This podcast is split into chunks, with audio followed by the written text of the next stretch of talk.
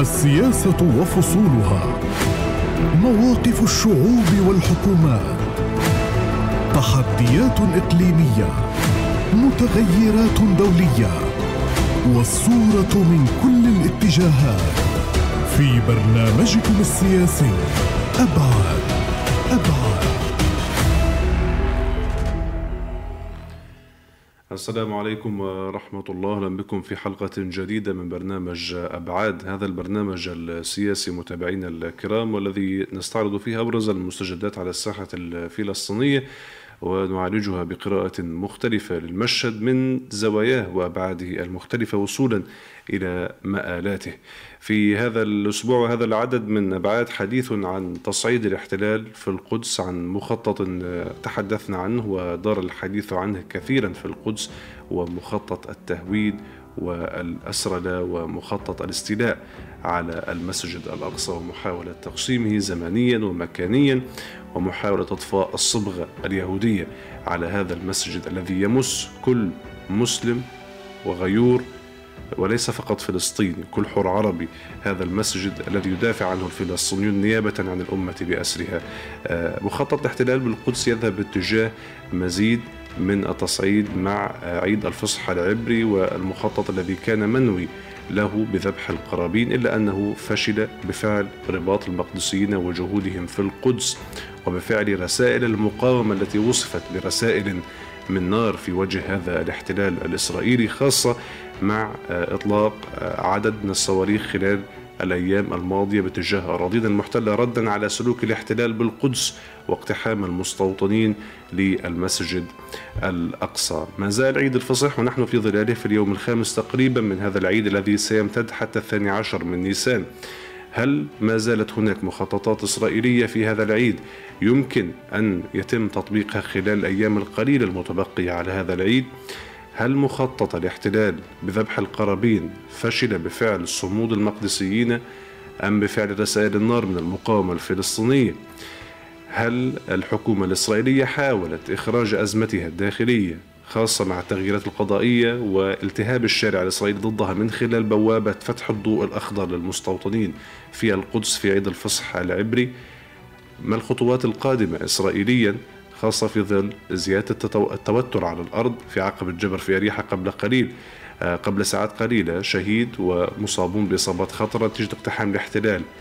هل التهدئة التي حدثت أو حالة الهدوء بمعنى أدق التي حدثت دون تهدئة واضحة يمكن أن تستمر أم أنها تهدئة هشة وهدوء هش يمكن أن يشعل مواجهة جديدة في أي لحظة قادمة؟ كل هذه الأسئلة نحاول أن نتساءل عنها في أبعاد وعن سيناريوهات المشهد القادم. تحت عنوان في ظل استمرار انتهاكات الاحتلال بالقدس رسائل من نار بين المقاومة والاحتلال وسط تحذيرات من اندلاع مواجهة جديدة. هذا هو عنوان حلقتنا لهذا اليوم. ومع ضيوف كارم من غزة والقدس وابتداء من القدس المحتلة أبدأ مع الأستاذ راسم عبيدات الكاتب والمحلل السياسي من القدس. أستاذ راسم مساء الخير وكل عام وأنتم بخير. أهلا بك معنا. أهلا وسهلا بكم وكل عام وأنتم بألف خير. أهلا بك وأنت تحدثنا من القدس القبلة والعاصمة العزيزه اليوم. يقتحم المسجد الأقصى سيد راسم باعداد كبيرة تصل إلى 1500 مقتحم وهو عدد كبير غير معهود خلال الفترة الماضية. كيف ابتداء تدور الأوضاع حاليا في القدس خاصة في عيد الفصح ونحن تقريبا في اليوم الخامس من هذا العيد؟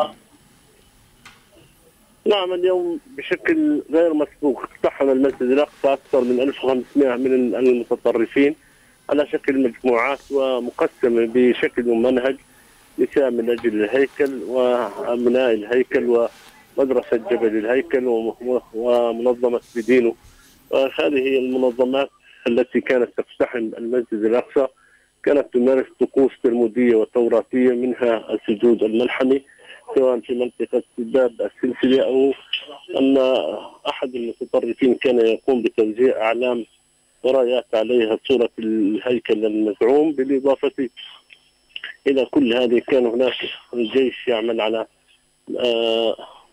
ممارسة القمع والتنكيل بحق المرابطين والمعتكفين والاعتداء عليهم. نحن نقول أن هذه الاعتداءات المتواصلة والمتصاعدة التي نتج عنها سابقا حرق عيادة المسجد الأقصى وتكسير الزجاج والأبواب التراثية وحرق السجاد كل هذه النداء على المرافقين وإخراجهم من المسجد الأقصى بالقوة وبعد العدوان عليهم واعتقال الكثير منهم بالإضافة إلى العشرات اللي بعد عن المسجد الأقصى وعن المدينة والبلدة القديمة ومدينة القدس.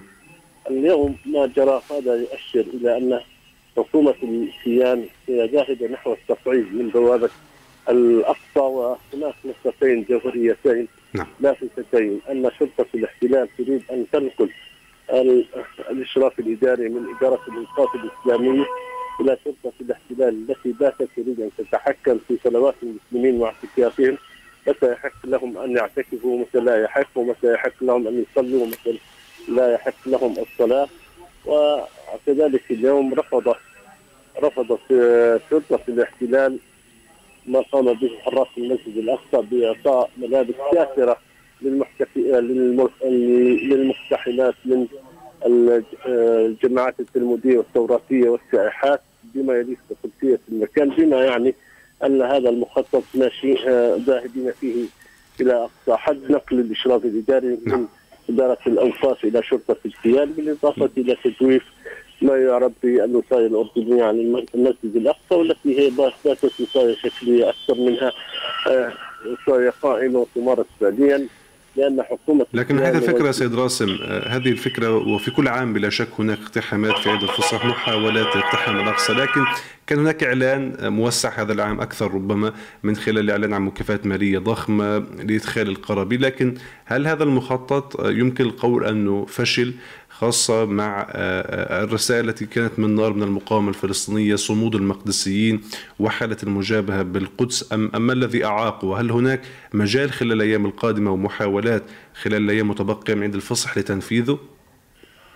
أعتقد أن الاعتكاف والرباط في المسجد الأقصى افشل مثل هذه المخططات لأن الاعتكاف هو الذي لعب الدور الأساسي بالضغط على حكومة الاحتلال لكي تمنع دخول تلك الجماعات المتطرفة العشر الأواخر من شهر رمضان. وأنا لست متاكدا أن حكومة الاحتلال ستلتزم بما تعهدت به لديه تعهدات سابقة ونفى وتحللت من كل هذه التعهدات. ولكن ما يجبر الاحتلال, الاحتلال على ذلك هو عدا عن صمود المقدسيين وثبات وتماسك الحلقة المقدسية.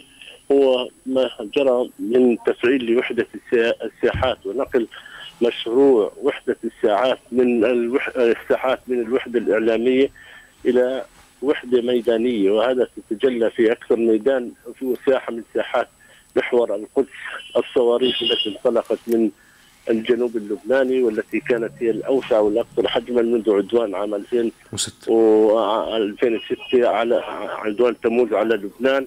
ومن ثم الصواريخ التي كانت تنطلق من قطاع غزة والصواريخ التي انطلقت من سوريا ومحاولة تفعيل الجبهة المصرية من خلال إطلاق صواريخ بعيدة المدى على مدينة إيلات، اذا هم ال ال هذا رفع درجه في مسار التنسيق والتفعيل لوحدة الساحات للوصول إلى معادلة العبث بمصير المسجد الأقصى يعادل حرب وعلى ذكر هذه النقطة سيد راسم إلى أي مدى كان صادما بالنسبة للاحتلال إطلاق الصواريخ من الجنوب اللبناني من مناطق أخرى جديدة غير معهودة على الأقل خلال السنوات الماضية زي ما قلنا أنه منذ عام 2006 لم تفعل هذه الجبهة في وجه الاحتلال خاصة أنه دائما يخشى من آه، المجابهة على أكثر آه، من جبهة في الشمال والجنوب. يتوقع أن تكون هناك صواريخ من الجبهة اللبنانية. كان يعتقد أن الجبهة اللبنانية هادئه رغم انه كان هناك كانت تصدر تحذيرات ولكن هذه التحذيرات كانت لا تشير إلى هذا الحجم الكبير. 34 صاروخا يتم إطلاقها من الجبهة اللبنانية وهذه حملت رسائل بعد اجتماع العديد من فصائل محور القدس في لبنان حركتي الجهاد وحماس بالإضافة إلى حزب الله سلسلة اجتماعات. أعتقد أن القيادة العسكرية الإسرائيلية والأمنية كما قالت إحدى الكاتب إحدى الكاتبات الإسرائيليات في صحيفة إسرائيل هيوم لهلاخ شوفال قالت أن المؤسستين الأمنية والعسكرية تدركان جيدا بأن إطلاق هذه الصواريخ لن لن يكون إلا تم بموافقه حزب الله ومع ومعرفته في لعمليه الإطلاق. وكذلك فيما جرى في سوريا الرد على الغارات السورية الرد على الغيرات الصينية في العمق السوري واستهداف مواقع إيرانية وسورية ومطارات سورية مدنية وعسكرية وشخصيات أيضا لإيران في مستشارين في نعم سوريا بالعودة ل سيد راسم بالعودة لمسألة الوضع الميداني هل الأيام القادمة القليلة يمكن ان ننتشي بشيء جديد؟ هل هناك مخطط واضح اسرائيليا فيما يتعلق باقتحامات الأقصى خاصة إنه توقع أن يكون الأمور تذهب باتجاه الهدوء، اليوم الاقتحامات ربما تضاعفت لمرتين أو ثلاثة أو أكثر عن العادة حينما نتحدث عن 1500 مستوطن والعيد يمتد إلى يوم الأربعاء حسب ما فهمنا القادم.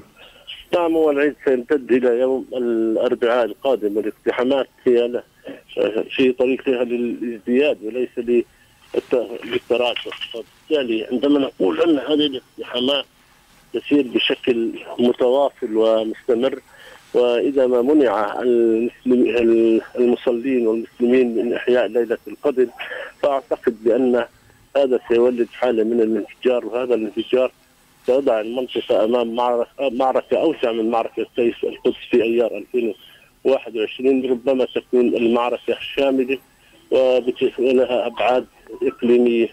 وبالتالي دولة الكيان هي في هذا الإطار دعا نتنياهو رئيس المعارضة الإسرائيلية نبيل إلى جلسة إحاطة أمنية وهذا لا يعني أن الحرب باتت قريبة ولكن هذا يؤكد أنهم يريدون أن يوحدوا الموقف الاسرائيلي تجاه ما يجري وبالتالي نحن نتوقع المزيد من التصعيد في المنطقة وخاصة أن المنطقة يتواجد فيها بارج بارجه أو غواصه نوويه امريكيه وأنا أعتقد أنها لم تأتي من أجل النزهة إلى هذه المنطقة بل هذا يشي بان هناك تطورات ربما تطال المنطقة والإقليم.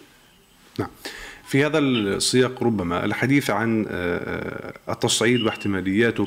هل حاولت حكومة نتنياهو برأيكم إخراج الأزمة السياسية الداخلية في الشارع المتعلقة برفض سلوكه والتغييرات القضائية التي كانت تسعى لها الحكومة نتنياهو ورفض الواسع للشارع أو رفض الشارع الواسع لها؟ هل كان عيد الفصح ربما محاولة وإعطاء الضوء الأخضر للمستوطنين فيما يتعلق بذبح القرابين محاولة لحرف الأنظار لكن رسائل وصمود المقدسين والمقاومة دفعوا للتراجع أم أن هذا ليس مرتبط بذاك برأيكم؟ أنا أعتقد أن رئيس أولا دعني أقول أن مأزق رئيس وزراء الاحتلال جزء من أزمة دولة الاحتلال الشمولية وبالتالي أنا بعد إطلاق عملية الصواريخ من لبنان ومن قطاع غزة وجدنا أن رئيس وزراء الاحتلال كان ملزوما وعملية اللجب هذه في إطار المشهد العام والسيناريو المتوقع مستقبلا بغض النظر عن القيود التي تقيد رئيس وزراء الاحتلال مصدرها سواء كانت أزمة داخلية أو خارجية أم عسكرية وأمنية بحسب تقديرات الأجهزة الأمنية. وأعتقد في هذا الاتجاه بأن حكومة الاحتلال والتي كانت آه تقول بأنها سترد بشكل حازم وقوي على إطلاق الصواريخ من لبنان كانت تبحث عن رد مناسب ويعيد لها هيبة الرادع ولكن لا يورطها في حرب شاملة. هناك ضغط كان يمارس على نتنياهو من الفاشيه اليهوديه للقيام بضربه واسعة وتأجل اجتماع الكابينت مرة ومرات لكي يكون الرد هو مقيدا ومؤطرا حتى لا تنزلق الأمور إلى حرب إقليمية، أنا أقول بشكل واضح أن خيارات نتنياهو وأي زعيم هي خيارات محدودة جدا وعملية تصعيد الأزمة ليست بالشكل السهل وتفجير الأوضاع لأن جيش الاحتلال الآن هو ليس في جهوزيته وهذا الجيش يتخزم ويتفكك ومن داخله بالإضافة إلى أن هذا الجيش ربما ينتظر معركة يوم الحساب. هناك الآن كما قلت لك ليست الجبهة الفلسطينية هي الحاضرة وهي الحاضرة الآن كما تشاهد سواء ما يحدث في عقبه جبر أو على جبل سطيح وذهاب الجماعات الاستيطانية وزراء وأعضاء كنيست إلى بؤرة الاستيطانية ايتار وما يحدث في المسجد الأقصى وما جرى في مخيم العين من اقتحامات واشتباكات. هذا يؤكد أن الساحة الفلسطينية مشتعلة على طول وعرض جغرافيا فلسطين التاريخية والجبهات الأخرى هي جاهزة لكي ترفع سقف المعركة إلى معادلة العبث بمصير المسجد الأقصى يعادل حرب إقليمية.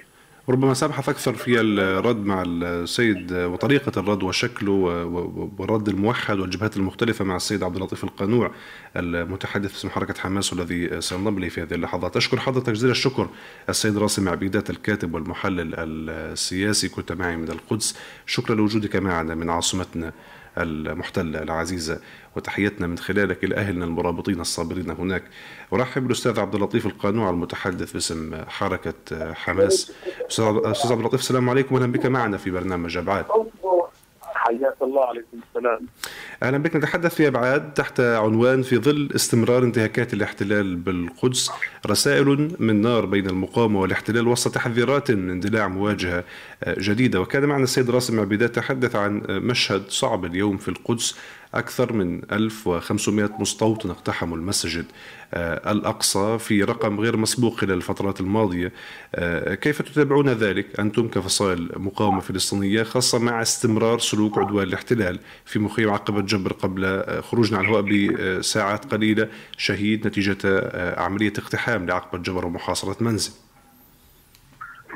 بسم الله الرحمن الرحيم. اولا نحيي كل أبناء شعبنا الفلسطيني المرابطين والمرابطات في ساحات الأقصى الذين يتصدون لقطعان المستوطنين في الاقتحامات المتكررة آه، صباح اليوم. كما نحيي اهلنا السائرين أيضا في بلده بيتا جنوب نابلس وفي الخليل الذين يتصدون أيضا آه، لقطعان المستوطنين في المسيرة التي آه، احتشد فيها آلاف المستوطنين. يتقدمهم أعضاء كنيسة وزراء بحكومه الاحتلال الفاشيه للمطالبه بشرعنه ما يسمى مستوطنه افيكار كل هذا السلوك العدواني من حكومة المستوطنين والجماعات المتطرفة سواء في ساحات الأقصى أو في الخليل أو في نابلس أو في كل مكان في أشياء الضفة الغربية يؤكد على اصرار هذه الحكومة اليمينية الفاشية في أعداء شعبنا الفلسطيني وفي إصرارها على تهويد الأرض الفلسطينية ومحاولة السيطرة على أراضينا وعلى مقدساتنا. شعبنا الفلسطيني آه، يتصدى لهذه الحكومة اليمينية الفاشيه والمقاومة كل أدواتها وكل وسائلها مشرعه في وجه هذه الحكومة. شباب السائر والعمليات البطولية التي كانت في الفترة الأخيرة في الأغوار وفي قلب الكيان في تل أبيب والضربات الصاروخية من قطاع غزة وعمليات الطعن في القدس كل هذه الأشكال المقاومة في القدس من غزة تؤكد على أن شعبنا الفلسطيني يمكن أن يرفع الرايه البيضاء ولا يمكن أن يسلم وأن المعركة متواصلة مع هذه الحكومة اليمينية الفاشية المتغطرسة. وتدلل على أن ما يخدع هذه الحكومة الفاشية المتغطرسة هي المقاومة والمقاومة بكل أشكالها وبكل أدواتها. بكل ساحاتها. نحن لا نملك إلا المقاومة هذه الغطرسة الصهيونية من قبل قطعان المستوطنين. يعني القطعان المستوطنين والجماعات المتطرفه تنتهك حرمة المسجد الأقصى وتنتهك قدسية شهر رمضان وارتكبت جريمة بطرد المعتكفين وتكسير الشبابيك المسجد الأقصى والاعتداء على المصلين وسحل المعتكفات واليوم مسيرة بالآلاف في نابلس واليوم اقتحام في الخليل وبالتالي هذا الوتيره الاستيطان الوتيرة القطاعات المستوطنه المتصاعده بحق شعبنا الفلسطيني. لا يمكن أن تمر ولا يمكن أن يسمح لها بضبط السيطرة وبتغيير الواقع على الأرض في القدس والضفه الغربية. أمام هذا السلوك سيد عبد اللطيف العدواني من الاحتلال المتصاعد المتدحرج ككرة الثلج حدثت رسائل من نار بين المقاومة الفلسطينية والاحتلال خلال الأيام الماضيه نتيجه سلوكه بالتحديد في القدس واليوم هذا السلوك آه، يستمر. لكن خلال هذا التصعيد اطلقت مجموعة صاروخية قدرت ب 35 صاروخا من الأراضي اللبنانية كما قال جيش الاحتلال باتجاه الشمال الفلسطيني في أراضينا المحتلة.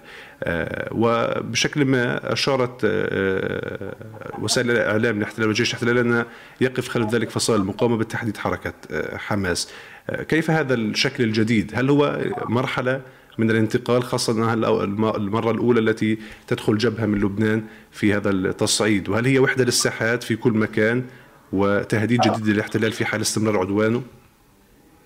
يعني اولا الاحتلال الصهيوني هو مهدد لكل أمن المنطقة بامتها ويسعى جاهدا لسرقة كل مقدرات المنطقة وتهديد أمنها وبالتالي شعبنا الفلسطيني في كل أماكن تواجده. آه، من حقه أن يمارس المقاومه ضد هذا الاحتلال الصهيوني في الضفة الغربية في القدس المحتلة في الداخل المحتل في قطاع غزة. معركتنا مع الاحتلال الصهيوني معركة واحدة لكن مساحات متعددة ومختلفة. في الضفة الغربية هناك مقاومة بأشكال معينة بعملها بالسهم والطعن واطلاق النار والاشتباكات في الداخل المحتل هناك مقاومة أيضا بالاحتشاد والخروج السلمي ومواجهة هذه الحكومة والانتصار للمسجد الأقصى. وقطاع غزة بالضربات الصاروخية والمعركة مع الاحتلال. شعبنا الفلسطيني في وحدة حقيقية ميدانية لمواجهة هذه الحكومة اليمينية المتغطرسة نحن نؤكد إنه هذا الاحتلال لا يهدد أمن شعبنا الفلسطيني بل يهدد أمن المنطقة وبالتالي يجب أن تتضافر كل الجهود العربية والإسلامية وحشد الطاقات المتنه لمواجهة هذه الغطرسة الصهيونية التي تستهدف أولى القبلتين وثاني المسجدين. وكما قالت المقاومة الفلسطينية ونحن في حركة حماس حذرنا وأكدنا أنه الاعتداء على المسجد الأقصى ومحاولة تغيير الواقع في المسجد الأقصى هو لعب بالنار وكفيل أن يجر المنطقة برمتها إلى حرب دينية واقليميه غير مسبوقة. وبالتالي سلوك الاحتلال واستخدام الاحتلال في المسجد الأقصى والضفة لا تستفز شعبنا الفلسطيني بل تستفز كل مسلم وعربي. سحل الاحتلال الصهيوني وقطعان المستوطنين والشرطة الإسرائيلية للمعتكفين والمعتكفات في ساحات الأقصى يستفز كل المقاومة في كل أشكالها وفي كل مواقعها وبالتالي شعبنا الفلسطيني في معركة مفتوحه وفي ثورة متصاعده ولا يمكن أن يمل أو يرفع الرايه البيضاء سيواصل ثورته للدفاع عن أرضنا وعن مقدساتنا وافشال كل مخططات الاحتلال الرامية لضبط السيطرة الصهيونية وتغيير المعالم في مدينة القدس. نعم.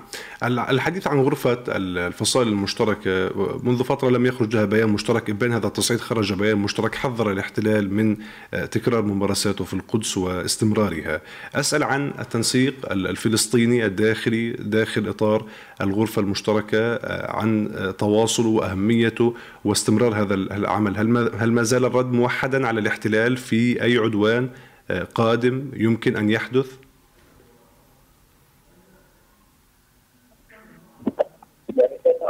وقلت في حال شن العدو الاحتلال عدوان على شعبنا الفلسطيني فان المقاومة وكل وسائل المقاومة ادواتها مشرعة. مساحه مفتوحه وخيارات شعبنا الفلسطيني مفتوحة لمواجهة العدوان والافشال مخططات الاحتلال الصهيوني وكما رأينا في العدوان الأخير على قطاع غزة كانت ضربات المقاومة الفلسطينية حاضرة وبشكل موحد وبالتالي الفصائل الفلسطينية في تنسيق متواصل وتنسيق عالي لإدارة المعركة مع الاحتلال الصهيوني والمقاومة الفلسطينية قادرة على إدارة المعركة مع هذا الاحتلال بكل حكمة وبكل اقتدار. وأعتقد أن المقاومة الفلسطينية أوصلت رسالتها للاحتلال والتقط الاحتلال هذه الرسالة سواء من ضربات المقاومة الصاروخية من قطاع غزة أو من العمليات البطولية في الضفه الغربيه أو حتى من صمود المعتكفين ورباط المعتكفين في ساحات المسجد الأقصى الذين لا يزالون يتواجدون بالآلاف في ساحات المسجد الأقصى، شعبنا الفلسطيني سواء في الضفه أو في القدس أو في غزة أو في الداخل المحتل في وحدة حقيقية لمواجهة هذا الاحتلال ومن حق كل فصائل المقاومة العنف المشتركة أن تواجه هذا الاحتلال وتتصدى لحكومته اليمينية المتغطرسة وتقوم بواجبها في الدفاع عن المسجد الأقصى وحماية الأرض والعرض وشعبنا في كل أماكن التواجد. سؤال أخير لحضرتك تم الحديث في الشارع الفلسطيني عن التصعيد المحدود الذي حدث ضربات صاروخية قصف الاحتلال محدود وتوقف الأمر. دون الحديث عن عن تهدئة واضحة عن وسطات دخلت عربية أو دولية في هذا الأمر ووصفت بحاله الهدوء وليس التهدئه كيف تعلق على هذا الأمر بالتحديد؟ عن تهدئه وحديث عن أي وساطات يجب أن تتوجه الاحتلال الصهيوني وكل الدول وكل العالم يتوجه للاحتلال الصهيوني للضغط على الاحتلال الصهيوني لوقف عدوانه وجرائمه بحق شعبنا الفلسطيني وانتهاك حرية حرمة المسجد الأقصى ومصادرة حرية العبادة في ساحات المسجد الأقصى. العدو الصهيوني هو من يبدأ العدوان ولا يزال يواصل العدوان اليوم وأنا أتحدث معك مسيرة بالآلاف لقطعان المستوطنين في قضاء نابلس و اقتحامات للمسجد الأقصى أيضا لقطعان المستوطنين واقتحامات لمدينة الخليل وقتل في بالجبر في أريحة واقتحام. وبالتالي هذه الاقتحامات المتكررة وهذا العدوان المتصاعد على شعبنا في عقد الجبر قضاء أريحة في نابلس في الخليل في القدس في الداخل المحتل يتطلب لجنة العدوان. وهذا يجب أن يمارس ضغط كبير على الاحتلال الصهيوني وليس على شعبنا الفلسطيني، شعبنا الفلسطيني لا يمكن أن يسلم ولا يمكن ان يرفع الرايه البيضاء.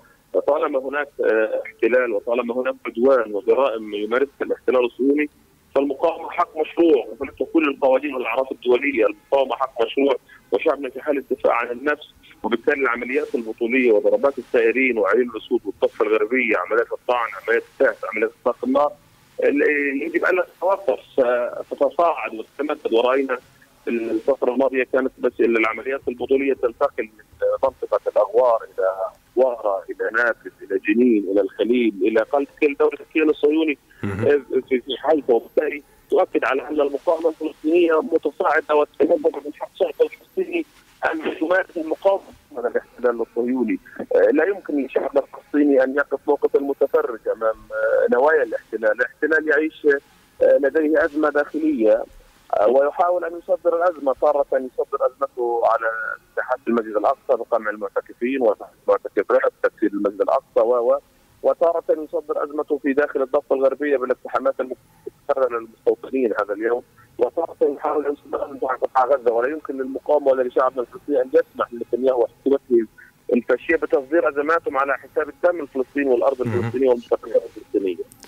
شكرا جزيلا لوجود حضرتك معنا. السيد عبد اللطيف القانوع المتحدث باسم حركة حماس شكرا لوجودك معنا في برنامج أبعاد. كما أرحب حقيقة في ضيفي العزيز في الشأن الإسرائيلي ومتابعة المشهد والجانب الآخر لهذا الحدث بالسيد حسن لافي المختص بالشأن الإسرائيلي. أستاذ حسن مساء الخير. أهلا بك معنا في برنامج أبعاد عبر راديو الشباب. أهلا وسهلا مساء النور. أهلا بك وكل عام وأنت بخير. اذا عنواننا في هذه الحلقة في ظل استمرار انتهاكات الاحتلال بالقدس رسائل من نار بين المقاومة والاحتلال وسط تحذيرات من اندلاع مواجهة جديدة. أسأل من من آخر نبأ 1500 مستوطن يقتحمون الأقصى في عدد هذا اليوم في عدد ربما غير مسبوق خلال الفترات الماضية. وسلوك الاحتلال يتواصل في عقبة جبر ومسيرة في لمحاولة إعادة البؤرة الاستيطانيه في إفطار. كيف يتابع ابتداء الجانب الإسرائيلي المحللون الساسه ما حدث خلال اليومين الماضيين ردا على جرائم الاحتلال بالقدس من تصعيد محدود وهذه الرسائل التي كانت رسائل من نار.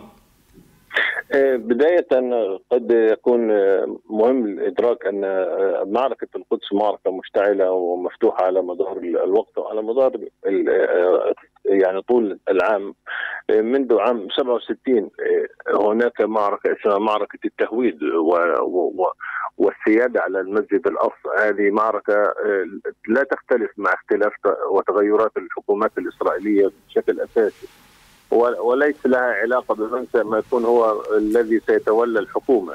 وهل هو من اليسار اليمين من الوسط؟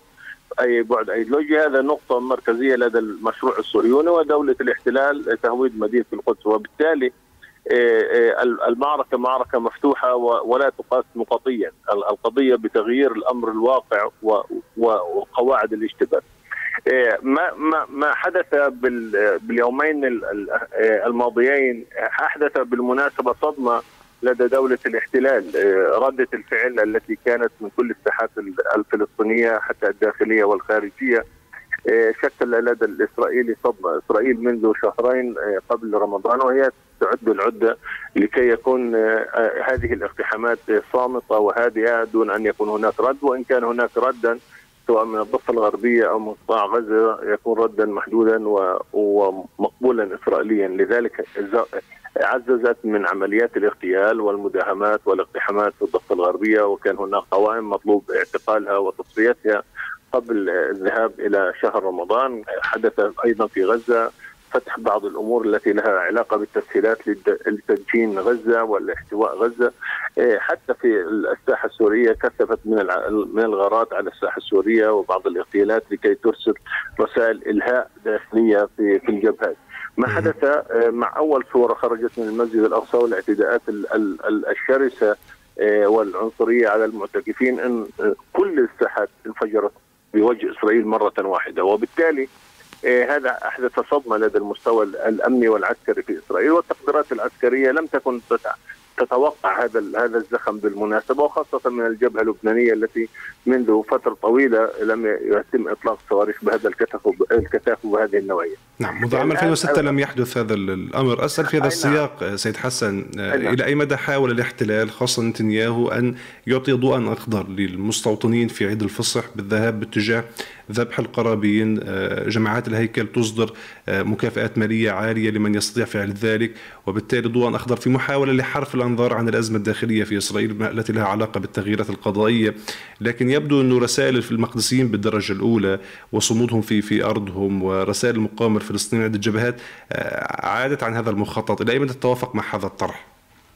أنا لا يعني لست مع هذا الطرح بشكل أساسي. هناك صدمة حدثت كان هناك مخططا لفرض سيادة والتهويد والتقسيم المكان والزمان ولكن ردات الفعل الفلسطينية من كل الساحات والإقليمية أحدثت هناك آه، توقف لهذا المخطط وبات هناك هدفا أهم من هذا الهدف لدى الاسرائيلي، اولا آه، الآن إسرائيل ونتنياهو يحاول التهدئة في المسجد الأقصى بالمناسبة حتى الاقتحامات التي دخلت اليوم دخلت بدون استفزازات قوية والمتفكفين موجودين في المسجد وكان إسرائيل تريد الهدوء لأن لا تريد الذهاب إلى معركة عنوانها القدس، معركة عنوانها القدس بالمناسبة هي مصلحة لكل الفلسطيني والأمة الإسلامية والعربية.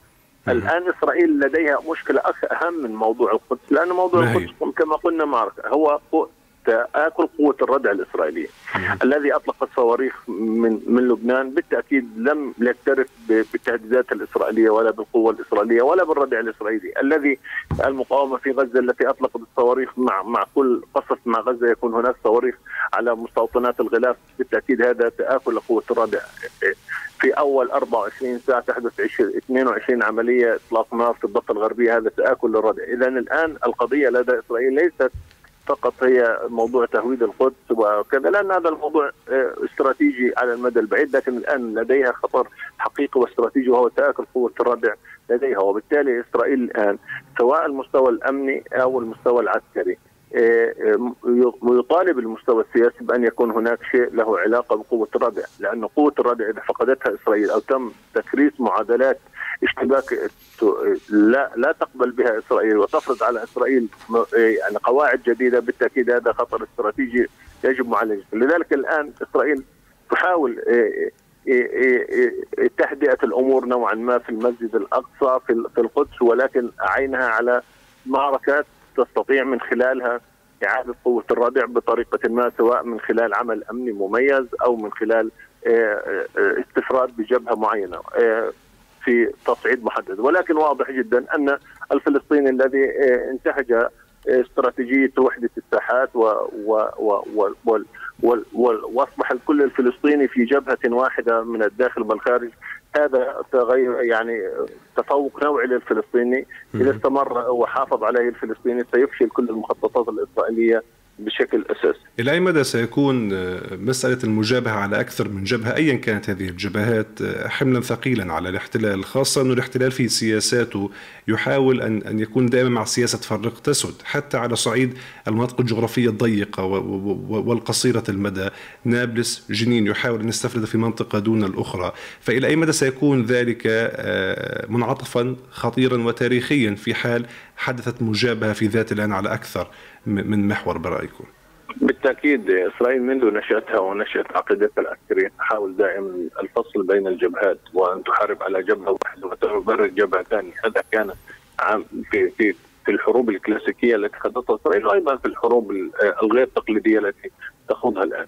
أنا أعتقد أن السيناريو حرب كل الجبهات رغم أن إسرائيل منذ تأسيسها وهي تتدرب على هذا السيناريو الذي تسميه يوم القيامة بالمناسبة بمعنى أنه الاختبار الأصعب للجيش الإسرائيلي وجهوزيته ونوعيته. آه، إسرائيل دائما تتفادى أن تذهب إلى هذا الاختبار التي بالمناسبة لا تعلم نتائجه بمعنى أنها غير غير غير قادرة على ضمان النصر في هذا هذه المواجهة، أنا أعتقد في أي مواجهة مقبلة هناك متغيرين أساسيين آه، لم يكونا حادثات آه، في السابق، المتغير الأول أن الضفة الغربية الآن هي ساحة مواجهة حقيقية وخاصرة رخوة للأمن الإسرائيلي حجم العمليات التي تخرج من الضفة الغربية سواء عمليات منظمة عسكرية من خلال كتائب المقاومة في الضفة الغربية أو من خلال العمل البطولي الفردي الذي يقوم به شباب الضفة الغربية شيء مؤثر جدا في الأمن الإسرائيلي. إيه، ولا يمكن لإسرائيل إيه، أن تتحمله، المتغير الثاني وهو ما شاهدناه هو جرأة الساحات الخارجية على مهاجمة إسرائيل سواء من الجبهة اللبنانية أو الجبهة السورية وهذا متغير. كلا المتغيرين لم يكونا حادثات في في معركة سيف القدس عام 2021 المتغير اللي كان جديدا في عام 21 هو وحدة بأهلنا في ال 48 ودخولهم على خط المواجهه. الآن القصة أكبر من ذلك ليس فقط 48 هناك الضفه الغربية قوية وحاضرة وعدد الاستنزاف القتل الإسرائيليين خلال العام هذا. أي نعم هناك أكثر من 90 شهيد فلسطيني ولكن أكثر من من 20 قتيل إسرائيلي في المقابل. الجرعة التي حدثت من إطلاق الصواريخ من لبنان ومن سوريا مؤشرات قوية. وبالتالي إسرائيل أيضا زادت هذا الأمر من تعقيدات قرارها بالذهاب إلى أن تحارب على كل الجبهات. لذلك أنا أعتقد السيناريو الأقرب إلى المنطقة أن تحاول أن تستفرد بجبهة دون الأخرى وهذا أسهل للتعامل الإسرائيلي مع مع الحالة. دائما يقال أن هناك آه، عوامل ضغط تحرك الإنسان في السياسة أيضا. نتنياهو ما الذي يحرك اليوم برأيكم؟ هل هو الخوف من من ثالوث قضايا الفساد آه، التي تلاحق أم محاولة آه، إبقاء خط الرضا يسير مع الأحزاب المتطرفة بن جافير وسموتريتش الحرس القومي والأمن الوطني والأمن الجهاز الذي أعطى صلاحيات لبن جافير لفعله؟ اليوم هناك مسيرة أيضا باتجاه إفتار أم أن الخوف من الشارع. ما الذي يحرك نتنياهو برأيكم؟ هل هو الخوف من قضايا الفساد؟ هل هو الشارع المنتفض إسرائيليا؟ أم محاولة استرضاء اليمين الذي أعادوا إلى السلطة بعد غياب؟ إيه، أخي كريم لابد أن نفرق ما بين نتنياهو ما قبل الأحداث الأخيرة ونتنياهو ما بعد الأحداث الأخيرة. نعم. ما قبل الأحداث الأخيرة أي نعم كان يحركه نوع من أنواع أنه يريد إرضاء شركائه في الصهيونية الدينية، يريد حرف الأنظار باتجاه قضايا خارجية للخروج من الأزمة الداخلية، كثير من العوامل الداخلية التي كانت تحرك نتنياهو ولكن ما بعد الصدمة التي حدثت في إسرائيل وتآكل قوة الردع الآن القضية ليست قضية نتنياهو وليس نتنياهو الوحيد صاحب القرار آه، الأمني في الموضوع، الآن القضية تتعلق بقوة الردع الإسرائيلية بمعنى آخر قوة الجيش و والعمود الفقري للدولة. بمعنى آخر أن الآن هناك المؤسسة العسكرية حاضرة وبقوة في صنع القرار وخاصة آه، عندما كشف نتنياهو أنه في وزراء الكابينت الذي آه، الذي في حكومته غير قادرين على مساعدته وبالتالي هو عندما ذهب إلى الكابينت كان آه، جالسا مع المؤسسة الأمنية والعسكرية وأخذ القرارات ونفذها قبل حتى انتهاء جلسة الكابينت. بمعنى آخر أن الآن الذي يخوض المعركة والذي لديه الكلمة العليا في في, في هذا الأمر هو الجيش والمؤسسة العسكرية لأن الموضوع خرج من موضوع سياسي إلى موضوع له علاقة بعصب وقوة المشروع الصهيوني وبات خطرا وجوديا. الردع بالنسبة للعقيدة العسكرية الإسرائيلية هو المرتكز الأساسي الذي تقوم عليه دولة الاحتلال، هذه الدولة الصغيرة ذات الأعداد الكبيرة. إن لم تخ... إن لم يخاف منها اعدائها ويتجرؤون على مهاجمتها بالتأكيد. هذه بداية النهاية. خطر وجود يعني هذا خطر وجودي. وبالتالي الآن الذي يقود التفكير في إسرائيل كيف يحاولون إرسال رسالة واضحة للجميع أن إسرائيل ما زالت قوية وأنها تمتلك قدرة. أي نعم إسرائيل تمتلك القدرات ولكن هل تمتلك القدرة على تنفيذ هذه القدرات؟ هنا هنا قوة الردع؟ التي تريد المؤسسة العسكرية، لذلك أنا أعتقد أن اسرائيل أن نتنياهو لم يعد هو العامل الوحيد في صنع القرار الإسرائيلي في هذه الفترات الحرجة بل هناك مؤسسة عسكرية وأمنية مهنيات لها الدور الأكبر وهذه ما يسمى بالدولة العميقة في دولة على ذكرنا لصنوع القرار سيد حسن هل هناك مساحة في هذا القرار للمعارضة؟ أقول ذلك لأنه بالأمس كان هناك اجتماع بين آه، نتنياهو ويائر لبيد زعيم المعارضة حاليا آه، وصف بالإحاطة الأمنية وقال لبيد بأنه ذهب إلى هذا الاجتماع قلقا فعاد أكثر قلقا على آه، دولة إسرائيل ومستقبلها وقال أن هذه الحكومة الإسرائيلية آه، غير قادرة على إدارة الظروف الراهنة. آه، هذا الاجتماع في أي إطار يمكن فهمه؟ هل هو اجتماع تقليدي روتيني طبيعي في هكذا أوضاع أم أنه محاولة لكسب المعارضة باتجاه جبهة خارجية؟ هل يمكن أن يكون محاولة للتشاور في مسألة معينة برأيكم؟ كل كل الأمور تأتي في نفس الإطار. يعني اذا إذا كان هو جزء من اطلاعه على الأوضاع الأمنية التي متجدده وخاصة أن المعارضة جزء من الحكم في إسرائيل ورئيس المعارضة يكون لديه نفس تقريبا الصلاحيات للاطلاع على بعض الأمور مثل وزراء الحكومة حتى أنه يحظى بحماية من الشباب كما يحظى رئيس الوزراء. هذا أمر روتيني، الأمر الثاني في حالات الصعبه دائما الحكومة عندما تريد أن تذهب إلى شيء امني محدد لابد أن على الأقل آه، كالأعراف الإسرائيلية أن تضمن أن المعارضة تكون حاضرة في الصورة وأن لا يتم الاختلاف أثناء المعركة. وبالتالي آه، هذا أمر آه، مهم. الأمر الثالث الظروف السياسية المعقدة التي تمر بها إسرائيل. تتطلب أن يكون هناك دائما تشاور ما بين المعارضة والحكومة وخاصة أن الحكومة الإسرائيلية مواجهة بكثير من المظاهرات. وكيف شاهدنا حتى في ظل التصعيدات خرج أكثر من 230 ألف آه، مستوطن إسرائيلي في يوم السبت الماضي في تظاهرة ضد إسرائيل ضد الحكومة الاسرائيليه وبالتالي نعم. أي نعم. اذا آه، هذا أمر آه، أمر طبيعي. قد يكون كل الاحتمالات التي تفضلت بها حاضرة في هذا في هذا المشهد. ولكن الذي لا يمكن يعني الأمر الواضح جدا أن إسرائيل بالتأكيد لديها وضع أمني حساس. وتفكر بطرق آه، كيف تخرج من هذا الوضع الحساس. وبالتالي المعارضة لابد أن تكون حاضرة بالمشهد السياسي آه، بشكل أساسي لكي آه، يعني يكون هناك نوع من أنواع الوحدة الصهيونية أمام هذا الخيار. أسأل ذلك في في سياق أخير لأنه البعض ربط ذلك بأنه يمكن أن تذهب إسرائيل باتجاه الهروب إلى الأمام بمعنى اختيار جبهة معينة والقيام بضربة استباقية لمحاولة تحديد جبهة للصراع معها، هل ذلك مرجح ممكن؟ بالتأكيد هذا أمر ممكن وممكن جدا وخاصة أن أن أن إسرائيل منذ عام 2021 اقتنعت أنها لن تنجح في أي معركة دون أن تكون الضربة الأولى لها.